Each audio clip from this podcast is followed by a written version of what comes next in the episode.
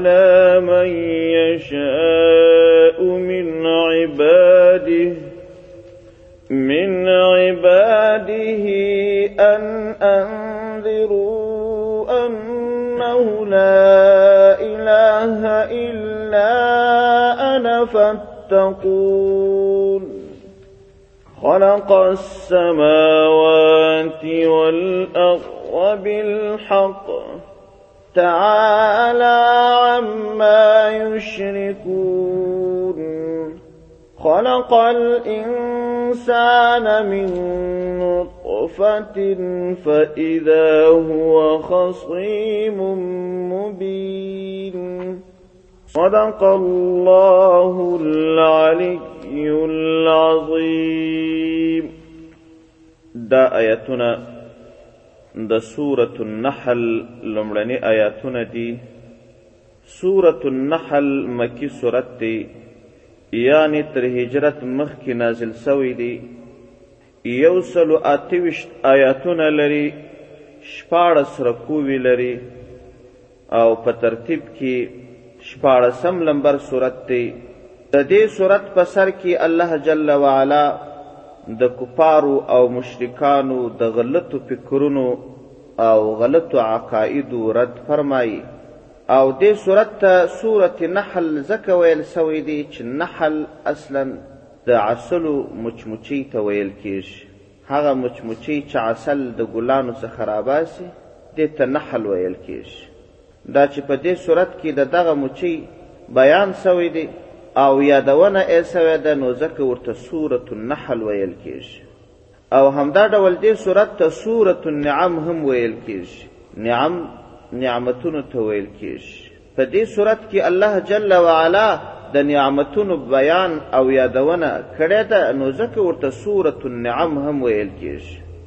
رسول اکرم صلی الله علیه وسلم ته به د مکې مکرمې کافران ویل چې ای پیغمبر ته حقیقت کې د الله پیغمبر نه ته چې کومې خبرې کوې او ته موږ ته دا وایه چې تاسو الله پیدا کړي یاست الله رزق درکړي الله به مو وژني الله به تاسو بیا بېرته راژوندي کوي قبر راځي دا ټولې خبرې درواغ دي دا چې ته موږ ته وعدې راکړې چې تاسو ایمان راوړئ تاسو ټول اعمال ومنئ تاسو زما اطاعت وکړئ که نه نو د الله عذاب راځي دا خبرې درواغ دي الله جل جلاله یې په دې آیتو کې رد وفرمایه اتا امر الله اتا رالی امر الله حکم د الله عذاب د الله رالی فلا تستعجلوه تاسو تلوار مکوي تاسو ته یقینا عذاب راځي یو قیامت قریب دی یو قیامت بعید دی نږدې قیامت لري قیامت نږدې قیامت دا دی چې دا محض د سترګې سره پټ سوه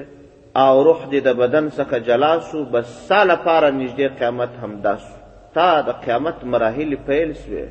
عذابونه تکالیف پیل سوه او یو بعید قیامت هغه دی چې شپېلۍ پوسي او ټول انسانان د قبرونو څخه راپورته سي او دا عالمی نظام چې اوس موجود دی دا ټول خراب سي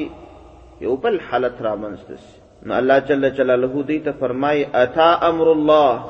امر د الله رالی عذاب د الله رالی د عذاب د الله خو دلته نو راغلی منګر الله په ماضی سره تعبیر وکي یعنی د الله امر رالی د الله عذاب رالی په تیره زمانه کې چې یو کار سوی داغه څه چې څوک حکایت کی اخو یقیني وي نو دلته د دې عذاب راتګ هم داسې یقیني دی نو ځکه الله د ماضي په لفظ ویلی دی چې اتا امر الله داسې نه دي فرمایلی چې د الله عذاب به راسي وایي د الله عذاب رالی سړی وایي تېره ورځ یو کار وسو اختر تیر سو په اختر کې د دوستانو سره لیدل کتل دا وسوه دا کار خو یقیني وسو دا چې بل اختر راځي که نه راځي دا په شک کې دی چې موږ به مړه یو که به ژوندي یو دا نه ده معلومه خو دا چې تېر اختر تېر شوی دی دا یقیني ده په دې کې شک نشته نو دلته هم الله جل جلاله د ماضي په لفظ باندې وایي وای تاسو داسې مه وایاست چې دا خبرې درواغ دي دا عذاب به کله وي ژر یې راوله دا خبرې پیغمبر علیه السلام ته مه کوئ اتا امر الله د الله امر د الله فیصله د عذاب راغلی ده یعنی داسې یقیني ده لکه راغلی چې وي ته شک پکښې نسته او د قیامت په ورځ چې څومره ژوند دی، څومره عمر دی، یوه ورځ ئې زر کاله وي، د یو روایت له مخې پنځوس زره کاله وي، او د دنیا ژوند چې و هغه ته پرتله کې دا لکه یو څو ثانیې داسې کېږي. او یا دا چې دا ستا ژوند دومره بې باوره دی که څو ثانیې، څو دقیقې بعد د دنیا څخه ولاړې وفات سوې هم هیڅ عجیبه نه ده، بس ستا عذاب شروع سو، عذاب ډېر نږدې دی فلا تستعجلوه فستاسو تلوار مه کوئ یقیني د ترا روان دی په یو حدیث شریف کې راځي دا حدیث عقبه بن عامر رضی الله عنه روایت کړی دی دی مبارک فرمایي وای رسول اکرم صلی الله علیه وسلم وفرمایل چې د دنیا خلک به په عیش او عشرت باندې اخته وي څوک به دکانونه کوي څوک به په تجارتو اخته ئی، څوک به پواکو په سلطنت باندې اخته ئی، د دنیا نظام به ډېر مخ ته تللي، جم و جوش به ئی ټول ښارونه، صحراوې، دا به اخته وي په مختلفو مختلفو کارو باندې، ناببره به په اسمان کې ږغ وسي، یا ایها الناس، ای خلګو! خلک به سرونه شک شک پورته کړي چې دا څنګه ږغ وسو، یو او بل ته وایي، ږغ دي وا نه اورېدی؟ ښه، څوک وایي، هو، وا مې اورېدی، یقیني مې واورېدی، څوک وای داغسی به مو یو شی تر غوږو سوی ږغ چیری وو څو ثانیه وروسته به بیا بل ږغ وسی هیبتناک. یا ایها الناس ای خلګو بیا به خلګ راپورته سی دا خو رښتیا ږغ وسو دا فکر کوه چی داغسی به مو یو بل شی تر غوږو سوی د څو ثانیو وروسته به بیا بل ږغ وسی یا ایها الناس اتا امر الله فلا تستعجلوه ای خلګو چی د دنیا په عیش او په عشرت باندې بوخت یاست پیغمبر د اسلام دین چې تاسو ته احکام ښودل او د عذاب څخه د الله ویرولاست تاسو دا به څنګه وي کله به یې توه د نن لا مه ښوروه سبا به توبه وباسم چا به بیخي نه منل دا دی د الله عذاب رالی پیغمبر علیه السلام فرمایي وایي په الله دې مې قسم وي بیا که چا دکان خلاص کړی و بند به یې نه کړي که چا وشل وشلې و بیا بیا د بل ځل لپاره ونن وشي او چا که کومه جامه اواره کړې وه هغه به بیا راټوله نه کړي بس سبلا به د قیامت شېبې پیل سي، خلک به هک پک حیران سي، خلک به تر وهم لاندي سي، دا چي څه پېښېږي ډېره سخته ورځ ده، نو الله عزوجل اوس لا تاسو خبروي، وايي دا ږغ به درته وسي، بیا به هلته هیڅ شی لاسه نه درځي، نه چغې و فریاد و توبه، هیڅ شی فایده نه کوي. اتی امر الله فلا تستعجلوه، اتی راغلی امر الله حکم د عذاب د الله، فلا تستعجلوه تاسو تلوار مکوي دوی خو به تلوار کول الله جل جلاله په سورة عنکبوت کې د دې څه حکایت کوي وایي ویستعجلونک بالعذاب ولولا اجل مسمى لجاءهم العذاب وليأتينهم بغتة وهم لا يشعرون سورة عنکبوت کې درو پنځوسم او څلور پنځوسم آیت کې الله فرمایي وایي دوی ډېره تلوار کوي او پیغمبر علی السلام ته فرمایي وای ته درواغ وای عذابونه نه راځي که عذاب راځي نو ونی څه ژر راوله الله ته فرمایي وای دا بدبخت خلک کو چابک چابک عذاب غواړي خو د الله په اصله داسې ده چې د هر شي لپاره یې ټاکلې ټاکلې نیټه ټاکلې ده که چیرې دغه ټاکلې نیټه نه وای نو ډیر ژر به عذاب ورته راغلی وای او یقینا جهنم پر دې را چاپیره کیږي خلاصېدلی نه سي سبحانه وتعالى عما يشركون دا بدبخت خلق د پیغمبر خبرې درواغ بولي دا چې الله انسانان به تر ژوند کوي دا چې الله د قیامت ورځ ته دا خلق را حاضروي دا دی نسبت ته درواغ او حقیقت کې الله تکي سبحانه پاک دی الله د دې درواغ څخه پاک دی الله د دا ډول خبرو څخه چې هغه حقیقت نه لري او یا د مشرکانو الله ته شریکان جوړول د ډبرې بیه بت جوړ کړی و دا د الله شریک دی زه د دې بت څخه غوښتنې کوم بت یې راپرکي دا هم خدای دی الله فرمایي سبحانه پاک دی الله د شرک څخه الله لره شریک نه پاک سترا سوچ پوچ یوازې د الله څخه د الله تعالی څخه غوښتنه کوه د بل چا څخه غوښتنه مه کوه وتعالی بلند دی، اوچت دی، لوړ دی، عما د هغه شیانو څخه یشرکون چې دوی ئې شریکان نیسي الله لره، د هغه بتانو د شرک څخه الله ډېر اوچت دی، ډېر پاک دی، چې کوم دا بدبخته خلګ ئې د الله سره شریکان جوړوي. د دې خبرې لپاره الله جل جلاله په دې پسې آیت کریمه کې نقلي دليل فرمايي او د هغه پسې په بل آيت کريمه کې الله عز وجل عقلي دليل فرمايي په دې لومړني آيات کې خلک په داسې انداز کې خبر کړل چې خبردار د الله عذاب در ترازي په کلک ډول سره د الله دین ومني او ښه ورته متوجه سي الله شریک نه لري الله د شرک او د عیبونو څخه پاک دی الله د داسې درواغو څخه پاک دی چې کم تاسو یې په الله پورې تړئ تاسو یې ښه واورئ، د الله عذاب درته راځي، خبردار اوسئ، که په داسې خبرتیا سره چې د عذاب خبر هم پکښې وي په دې باندې پوه نه شئ، نو بیا الله عزوجل نقلي دلیل فرمایي، د هغه پسې عقلي دلیل فرمایي. نقلي دلیل یې دا دی چې یو انسان ته الله عقل ورکړی دی، دا خپل عقل دې په کار واچوي، که چېرې مسلمانه وروره تاته یو سړی راشي، دا زموږ او ستاسو د همسایه ولایتو څخه یو کس راشي، وای په داڅنګ ولایت کی جنګ وو یو کس راسی اتا چې دا خبره واورېدله نو دا به وایه چې جنګ به وي نو درواغ خو به نه راته وایي که دوهم کس راسي هغه هم وایي جنګ و ته دا فکر وکړې چې ونه رښتیا به هم جنګ وي ځکه دا زموږ سیمه ولایتونه خو ټول عمر دا دېرش کاله کېږي جنګونه دي جنګونه دي نو خامخا به دا شی دریم کس راسي هغه هم دا خبره وایي ته وایه دا درې سره خلک خو نو درواغ نه وایي خامخا دا شی سته که څلور کسه راسي پنځه راسي لس راسي سل کسان د هغه ولایت ته راسي ته وایه چې یا یا دا خلکو خو نو درواغ یقینا نه دي سره جوړ کړي ګوره دا د څنګ ولایت خلک دي لس د یوې ولسوالۍ دي لس د بلې ولسوالۍ دي لس د بلې ولسوالۍ د مختلفو سیمو سره راغلي دي دا ټول وایي چې د ولایت په مرکز کې جنګ و دا خو نو درواغ نه لري درواغ نه وایي او که زر کسان راسي بیا خو نو داسې منې چې بیخي به قسم لا پر واخلي او که دوه زره کسان راسي که لس زره کسان راسي بیا خو نو ستا هېڅ شک نه وي پکښې چې یا یا که یو بل سړی هر څه درته ووایي چې یا جنګ نه دی کوه دا لس زره کسان خو نو درواغ نه وایي او دا ټول لس زره رښتیاګویه خلک ما ته راغلي دي په دې لس زرو کسانو کې یو دروغجن کس ما ته نه دی راغلی یو فاسق کس ماته نه دی راغلی نو د دې خبرې لپاره چې الله یو دی د الله سره بل هیڅ ډول شریک نسته او الله عزوجل تاسو ټول د قیامت په ورځ راپورته کوي د دې خبرې د ثبوت لپاره یو لک څلوېښت زره انبیا او رسولان راغلي دي ټول همدا یوه خبره ده چې الله واحد او لا شریک او د ژوند نه وروسته مرګ د مرګ وروسته بیا ژوندون او دا انبیا داسې نه دي چې د یوه کلي سره راجمع سوي دي نعوذ بالله هلته د درواغو خبره سره جوړه کړې ده د دې انبیاو په مابینځ کې سوونه او زرونه کلونه دي د آدم علیه السلام څخه راپیل تر حضرت محمد صلی الله علیه وسلم پورې د مختلفو سیمو او منطقو انبیا دي هر نبی چې راغلی دی یو په عراق کې دی یو په مصر کې دی یو په اردن کې دی یو چیرې دی د هر پیغمبر چې راغلی دی دا بل پیغمبر زر کاله وروسته راغلی بیا هم دا خبره کوي چې لا اله الا الله او که چیرې د دنیا په یوه کنج کې پیغمبر لېږل سوی په بل کنج کې هم پیغمبر لېږل سوی هغه هم دا وایي چې لا اله الا الله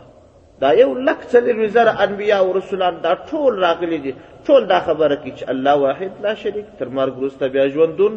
نو په دې کې بیا ته څنګه شک کوې ور هلته د یو انسان خبره ده چې سل کسان یې درته وکړي لا ته منې بیخي قسم پر یاده یې ته لږ د عقل او د سوچ او فکر څخه کار واخله یو لک څلوېښت زره داسې کسان تا ته راغلي دي چې په دې یو لک څلور زره انبیاو کې هیڅ کس دا نسی ښودلی چې د پلانکي پیغمبر څه ګناه سوې ده تر نبوت مخکې هم تر نبوت وروسته د پیدایش څخه تر وفاته پورې د هر نبي چې راواخلې یوه دانه ګناه نه ده کړې یو درواغ نه دي ځین ثابت داسې رښتیني رښتیني پاک پاک انسانان الله تا ته راواستل ای انسانه ته لږ فکر وکړه دا دلیل ستا لپاره بس نه دی چې نور یو دلیل هم پر دنیا باندې د الله د توحید دپاره نسی فقط ته دا خپل عقل په کار واچوه دومره شاهدان الله درته راستولي دي او د قیامت په ورځ به شاهدي هم در باندې ادا کړي نو ته لا څنګه نه منې ته لا څنګه بې پروا ژوند کوې الله عز وجل فرمایي ينزل نازلي الله جل جلاله الملائکه ملائکه بالروح په وحي سره روح روح دلته مقصد ځنی وحي دی الله د وحي څخه تعبیر په روح باندې وکړي من امره د امر څخه خپل د حکم څخه خپل الله عز وجل ملائک راکشتی په جنس ملائک کې جبرائیل علی السلام هم داخل دی جبرائیل علی السلام انبیاء علیهم السلام ته وحی راوړي او د وحی څخه الله په روح باندې تعبیر کړی دی روح دا د انسان وجود ژوندی کوي که انسان په وجود کې روح نه وي هغه انسان تش جسد تش کالبد د خلک په خارو کې شخي او که روح پکښي بیا د عزت والا څوک دی نو وحی د الله چې تا ته راغلی دی قرآن دی چې دا زموږ او ستاسو مخ ته پروت دی دا ستا لپاره روح دی که دې دا قرآن ته کتل د دې قرآن وظیفه دې کول د قرآن ترجمه دې ویل د قرآن احکام دې زده کول ته ژوندی یې ستا کې روح سته او که د قرآن او د اسماني وحي څخه لیرې وې بس ته مړ یې بس ما زه نوم د ژوند دې در باندې یاد دی حقیقت کې ته مړ یې نو دلته الله عزوجل د وحی څخه تعبیر پر روح باندې وکړي ينزل الملائکه بالروح من امره الله عزوجل ملائکی په وحی سره مځکې ته رالیږدوي او په حکم خپل باندې انبیاء علیهم السلام ته ملائکې رالیږدوي وحی ورته رالیږي تر څو د انسانانو لپاره هدایت او د انسانانو ژوند ژوند سي د مرګ څخه خلاص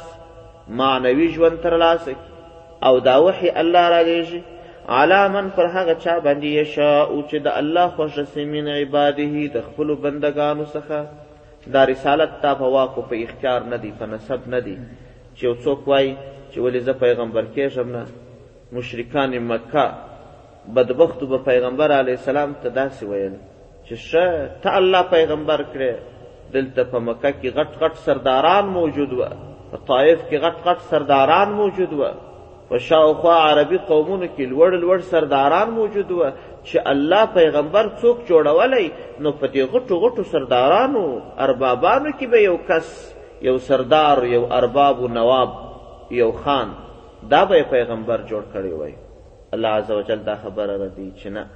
الله عزوجل ته ظاهری مقام اعتبار نه لري معنوي مقام اعتبار لري په چا کې چې معنویت پروت وي په پټه او په معنوي ډول سره باطن ډیر پاک وي او په باطن کې د لوړ مقام والای الله داسې څوک پیغمبري ينزل الملائكة بالروح من أمره على من يشاء من عباده الله ملائکه را لېږي په وحی سره په حکم خپل سره علا من پر هغه چا باندې یشاء چې خوښ سي من عباده د خپلو بندګانو څخه د خپلو بندګانو څخه چې یو کس ته خوښ سي همهغه کس ته الله وحی را لیږي او بیا یې ستاسو د هدایت لپاره هدایت څنګه هدایت داسې دی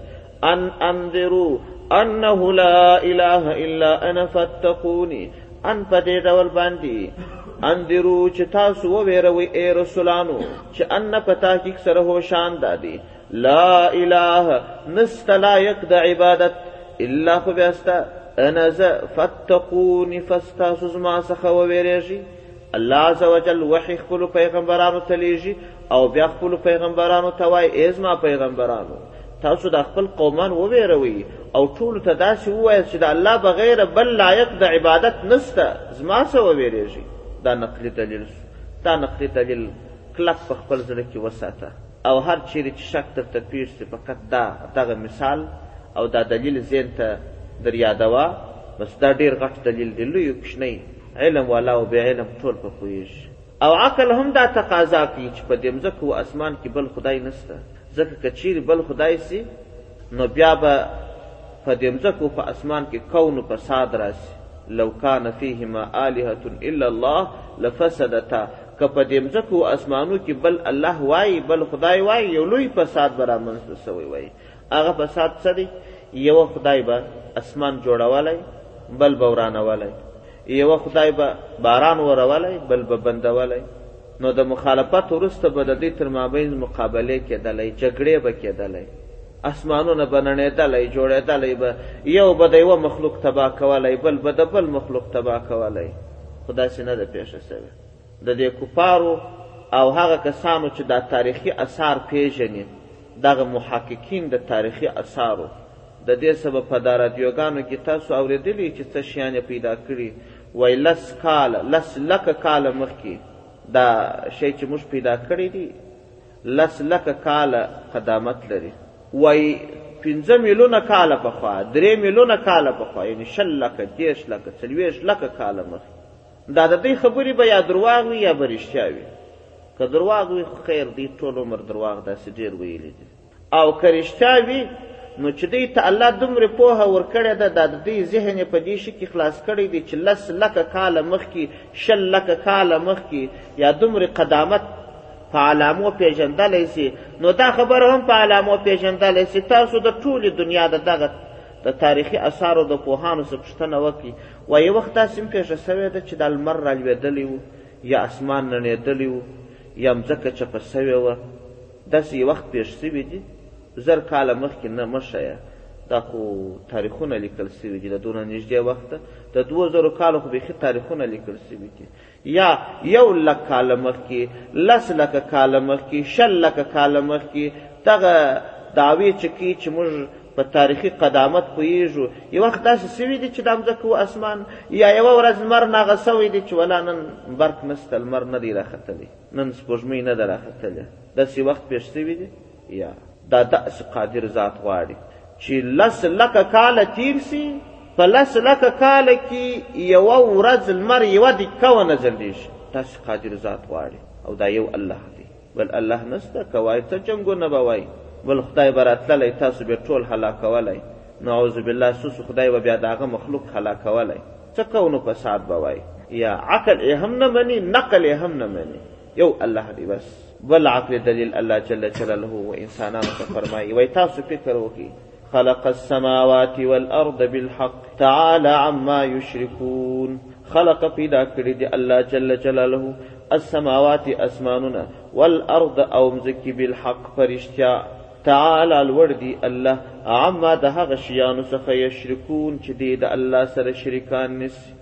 بتان ډبره د تا په خپل لاس جوړه کړې ده او دا وایه چې دا د الله سره شریک دا دا بت د الله سره شریک ای بدبخته الله اسمان پیدا کړی دی الله مځکه پیدا کړې ده دا بت تا په خپل لاس جوړ کړی دی دا د مځکې یو جز دی دا به څه وکړي خلق الانسان خلق پیدا کړی دی الله جل جلاله الانسان انسان ای پیدا کړی دی من نطفه د نطفې څخه په اذا فسنا سا په هو دی خصیم جګړه کوونکي سي د الله سره مبین ښکاره دا عجیبه خبره ده د یو څاڅکي نطفې څخه الله جل جلاله انسان جوړ کړي یو څاڅکي نطفه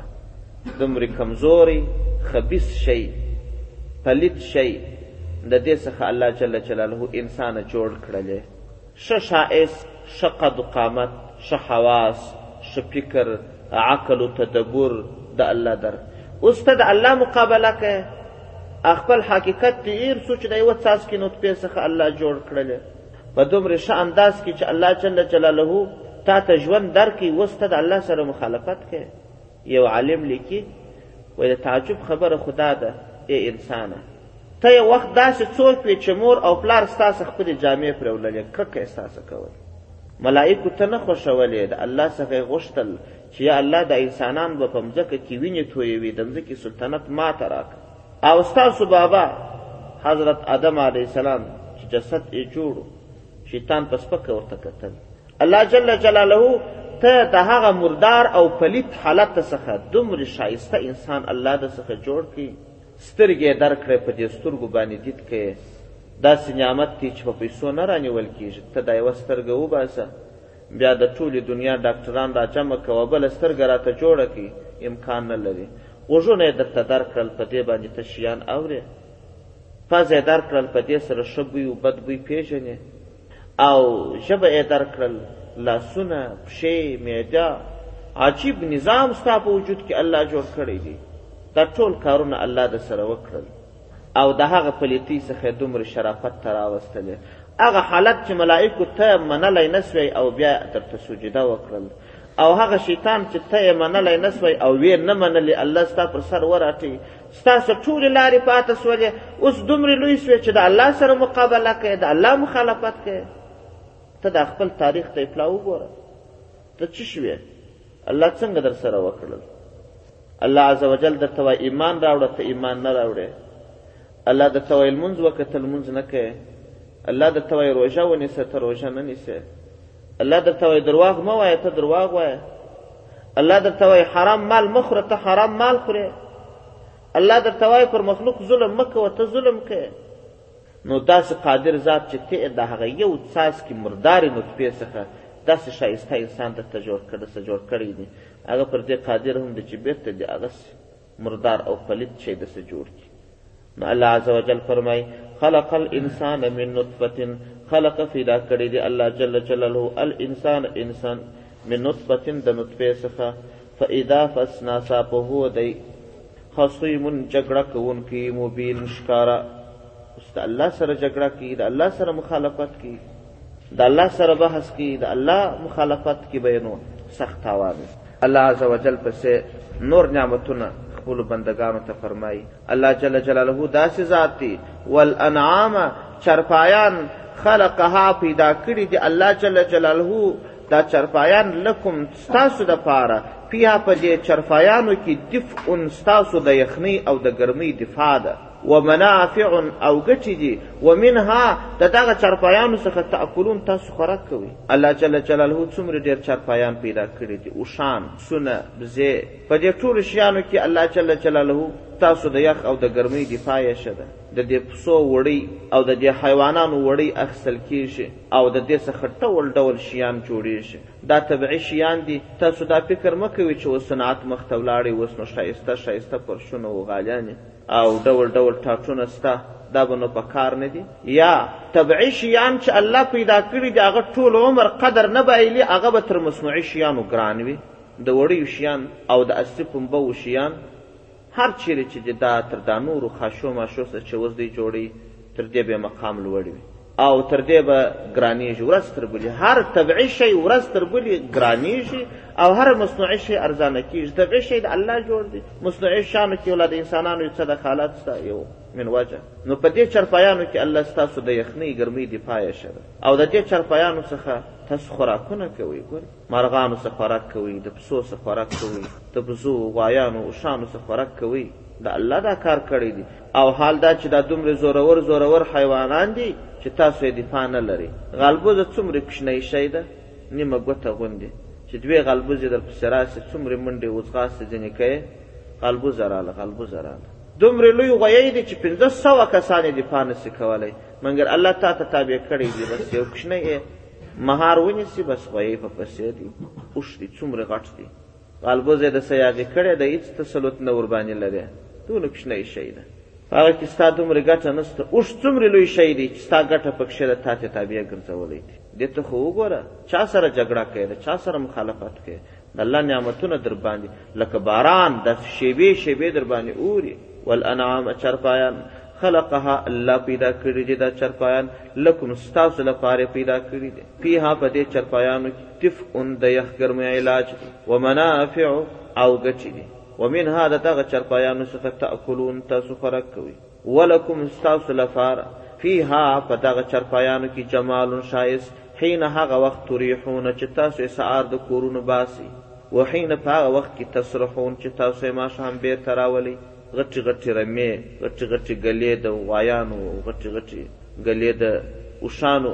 په دې کې شایست دي مالدار خلک چې د مالو شوقیان وي نو هغه چې یو څوک غټه رمه وویني او دی ورسره وي، په ناز ناز دا رمه مخ ته بیایي،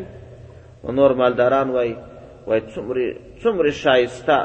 څومره ښه مالونه لري دا کس او دی په دې باندې ښایسته ښکاري. نو الله فرمایي، وایي تاسو چې ستاسو مالونه او مالداري دا تاسو سهار او ماښام، سهار باسئ ځنګلو ته، ماښام ئې کورو او تمځایو ته راولئ، په دې کې ستاسو ښایست دی. جمال دی ستاسو لپاره دنیا چې هر څومره پر مخ لاړه سي بیا به هم د طبعي شیانو اړتیا وي د دنیا ټول اقتصاد پر کرهڼه او مالداري باندې ولاړ دی یا په مستقیم یا په غیر مستقیم ډول باندې مالداري د دې څه چاره نشته ټول ژوند پر دې ولاړ دی ځکه الله فرمایي ولکم فیها جمال په دې کې ستاسو لپاره شایست دی سهار او ماښام چې تاسو دغه حیوانان او انعام چې الله درکړي دي دا بیا یې اوراولي په دې کې ستاسو ښکلا ده او دا چرپایان الله ستاسو لپاره پیدا کړی دي وتحملو اوړل کی دغه چرپایان اثقالکم هغه درانه درانه بارونه ستاسو الى بلد و یو داس شارته لم تکونو چې تاسو نه یاست بالغی رسیدون کې دې شارته نه یاست الا خو بیا یاست بې شق الانفس په ډېر سختۍ سره د ځانو داسې ښارونه چې تاسو نه سئ ورتللی بېخي که ورځئ نو په څومرې زحمت به ورځئ و داسې ښارو ته ستاسو دا درانه درانه بارونه دغه حیوانان وړي اوښ څومرې بار وړي دغه حیوانان چې ستاسو دپاره الله پیدا کړي دي ستاسو درانه درانه بارونه وړي دا ستاسو د وصل کېدو شیان دي تاسو بیا یې لوري لوري ښارو ته ستاسو درانه درانه بارونه وړي او دا کار یوازې د الله مهرباني ده ان بشک ربکم رب ستاسو چې دی لخامخه رؤوف زیات نرمي کوونکی دی پر تاسو باندې رحیم زیات مهربانه دی